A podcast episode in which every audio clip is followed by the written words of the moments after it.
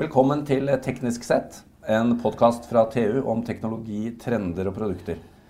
Vi eh, deler noen spennende temaer med dere. Jeg sitter her med Odd-Rikard Valmot. Og hei, hei.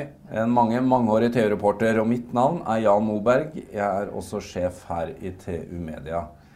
I dag Odd-Rikard, skal vi snakke om, eh, om noe du nettopp har oppdatert deg på.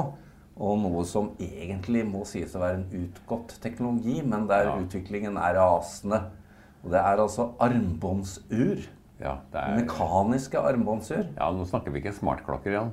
Nei, fordi det, snakker vi- ironien her er jo at hvis du skal ha noe som går eh, korrekt, og liksom er up to date, uh, bokstavelig ha- talt, så koster jo det et par hundre kroner. Ja. Mens her bruker jo folk titusener og hundretusener på mekaniske armbåndsur. Ja. Fortell. Ja, det er helt fantastisk. Og jeg er, jeg er veldig fascinert av det her, fordi at eh, det fins jo ikke mekanisk klokke i verden som går riktig. Men det var jo der utviklinga starta. Altså, det var jo sånn vi klarte å fikse det her med skipsnavigasjon. Det var at man klarte å lage kronometer, og da snakker vi 1700-tallet. ikke sant? Hvor, de, hvor en engelsk urmaker klarte å lage altså en klokke som var så nøyaktig at de, at de kunne navigere på en skikkelig måte. Ja, for det var jo selve løsningen. Det var selve løsningen. Før de hadde en måte å måle tid på, så kunne du ikke være sikker på hvor du var. Nei, akkurat. Og så har jo det her havna på armene til slutt. Og eh, når du sier mange mangeårige medarbeidere, så jeg føler jeg meg veldig gammel, men det er jo sant. Det er jo sant. Jeg gikk på NTH i 75, da var det sånn at vi fikk ikke lov å bruke kalkulator i oppgavene. Det var regna som juks. Selv om jeg hadde faktisk bygd meg en egen kalkulator, lodda den sammen, så fikk jeg ikke lov å bruke den. Men jeg var så fascinert av regnestaven også, at jeg kjøpte meg en Breitling, sånn klokke, som er veldig hot i dag. Det var et helt ukjent merke den gangen. Men de hadde en klokke med altså en regnestav, en sirkulær regnestav, og den var jeg veldig glad i. Den skulle jeg selvfølgelig beholdt. Dumme meg solgte den til en oppkjøper for eh, 20 år siden. Men den klokka finnes enda. Det er bare at nå, nå må jeg ut med, med nesten 80 000 for å få tak i den. Hva? Ja, Mekanisk ur. mekanisk klokke. Selvtrekkende riktignok, men mekanisk klokke. Men hvilke avvik snakker vi om på disse Vi snakker jo vi snakker om en god del sekunder i døgnet, tenker jeg. Eh, Det, er, altså det, det forskes jo enormt mye fra både sveitsere og japanere for å, for å få klokka til å gå mer nøyaktig. Eh, det her knekka vi jo på når vi kom med de her små elektroniske klokkene. Da fikk vi klokka til å gå nøyaktig med en kvartskrystall. Men eh, det har ikke vært forska så veldig mye på det siden. Det, Nei, den går til, bare riktig, den. Attpåtil noen som blir synkronisert uh, via radiobølger. Ja, det gjør jo smartklokker. ikke sant? Ikke sant? De synker jo mot mobilnettet. Men det forskes jo enormt mye for å få en mekanisk klokke til å gå riktigere. Annet sånne ting som utvikling av fjæra i silisium. Det har vært lagt ned milli, titalls millioner sveitserfrang, sveitserfranc? I, i å utvikle ei fjær som, er, som har bedre termiske egenskaper enn stål. Uh, en innovasjon som, som heter en turbillion, ble jo konstruert for å isolere mekanismen fra effekten til gravitasjon og bevegelser. Og et, jeg så jo i går en, den billigste turbillion-klokka som finnes. Det var Tag Hoier. Jeg tror jeg må bla litt i notatene mine her. Jeg tror den kosta 160 000 kroner, og det var sjokkerende billig. Og det er jo et verk som da gjør klokka kanskje et sekund mer nøyaktig i døgnet.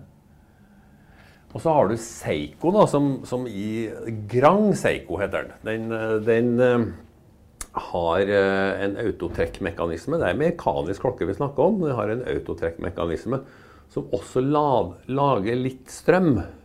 Som lader opp en kondensator, og den strømmen er nok til å drive en mekanisk brems.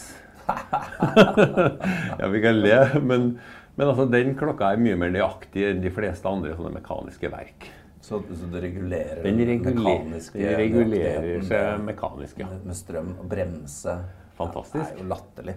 Ja, det er latterlig, men altså, det, dette, dette er jo sånn som folk elsker. Ja, og det er jo et poeng. Altså, denne industrien har jo vokst.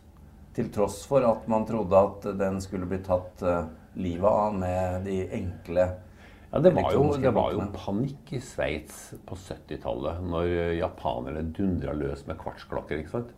Her kom det pene, nydelige klokker som attpåtil gikk riktig. Og det var jo ingen klokke som, sveitserklokke som gjorde. Helt til de skjønte at det tok jo ikke livet av Omega og Tissot, Jegerle, Kulter og Breitling og, og Tag Hoier og sånn. Det her, dette var jo luksusgjenstander. Dette er et smykke. Det er jo mannens smykke, dette. Ja, og der er du jo inne på noe at uh, det er jo både statussymbol og smykke. Ja. Og uh, måten de har klart å få oss interessert i det på, er jo også gjennom da, denne mekaniske utviklingen. Ja, husk på de, Veldig mange klokker nå de kommer altså med vindu bak. Når du tar av klokka, så ser du inn i mekanismen. Men det er også sånn at, at mange klokker har altså Mesteparten av tallskiva er jo hul, sånn at du ser altså mekanismen inni. Så der kan jo uh, sånne me mekanikkbuffs sitte og titte inn i klokka. De trenger jo ikke TV eller smartphone, de bare ser inn i klokka si, så har de underholdning. Ja, mens tiden går, litt unøyaktig. det, det gjør ingenting. Og så var det en urmaker som satte meg en gang jeg skrev om det her Trenger du så nøyaktig tid, da? Sånn. Så tenkte jeg nei, det, det. Når du løper til T-banen, går den presis, da? Nei, men nå har jo, nå har jo armbåndsurene fått en enda nyere konkurrent, og det er jo mobiltelefonene. Ja da. Så, så det er jo det har kommet enda en grunn til at du ikke trenger armbåndsur. Eh, Det er jo en gammel betegnelse, armbåndsur, men det er det vi må Det det. bruke Det i denne betegnelsen. Men fortell, hva, hva var, hva var liksom top of the line der oppe eh, på den, eller på, på den seansen du deltok på? Du, den var vel sannsynligvis ikke utstilt der. Fordi at uh, dette er jo klakker som koster titalls millioner. Når det gjelder sånne, sånne mekaniske klokker, så snakker man om komplikasjoner.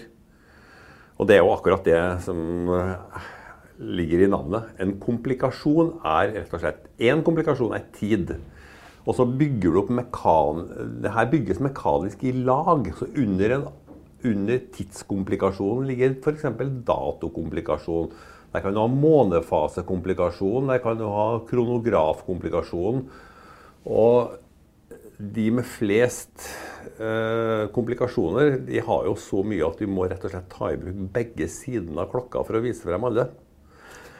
Du må snu den, og der er det også masse sånn dials. Og de har jo til og med klart å lage en sånn, eh, sånn dato som alltid er nøyaktig. Den håndterer skudd altså, Mekanisk. Mek me mekanisk så håndterer den skuddår og alt mulig annet sånt.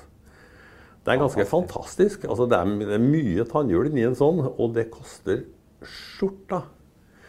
En, eh, en avstikker som vi bare må nevne her før vi avslutter dette temaet, det er jo at denne finmekanikken, som jo er Disse produsentene er jo konsentrert over et ganske lite geografisk område nede i Sveits. I hvert fall de som sitter på, Ja, på ja. spydspissen.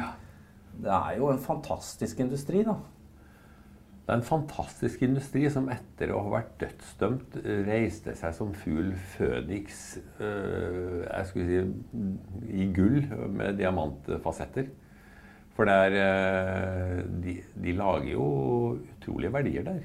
Men har, industri, industrien har jo vært øh, det ble jo konsolidert veldig mye. Man slo seg sammen. Så nå er det altså sånne Man, man lager en del sånne basisverk.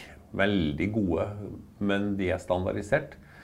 Også det nye nå er at flere og flere av klokkefabrikantene der de lager egne verk. Så nå er det tilbake til at det sprer seg litt si, ny, nye konstruksjoner igjen. Vi har jo faktisk eh, i, eh, i TU hatt eh, i hvert fall artikler og skrevet om andre industrier som har skutt seg opp på finnmekanikk fordi det ligger i dette området.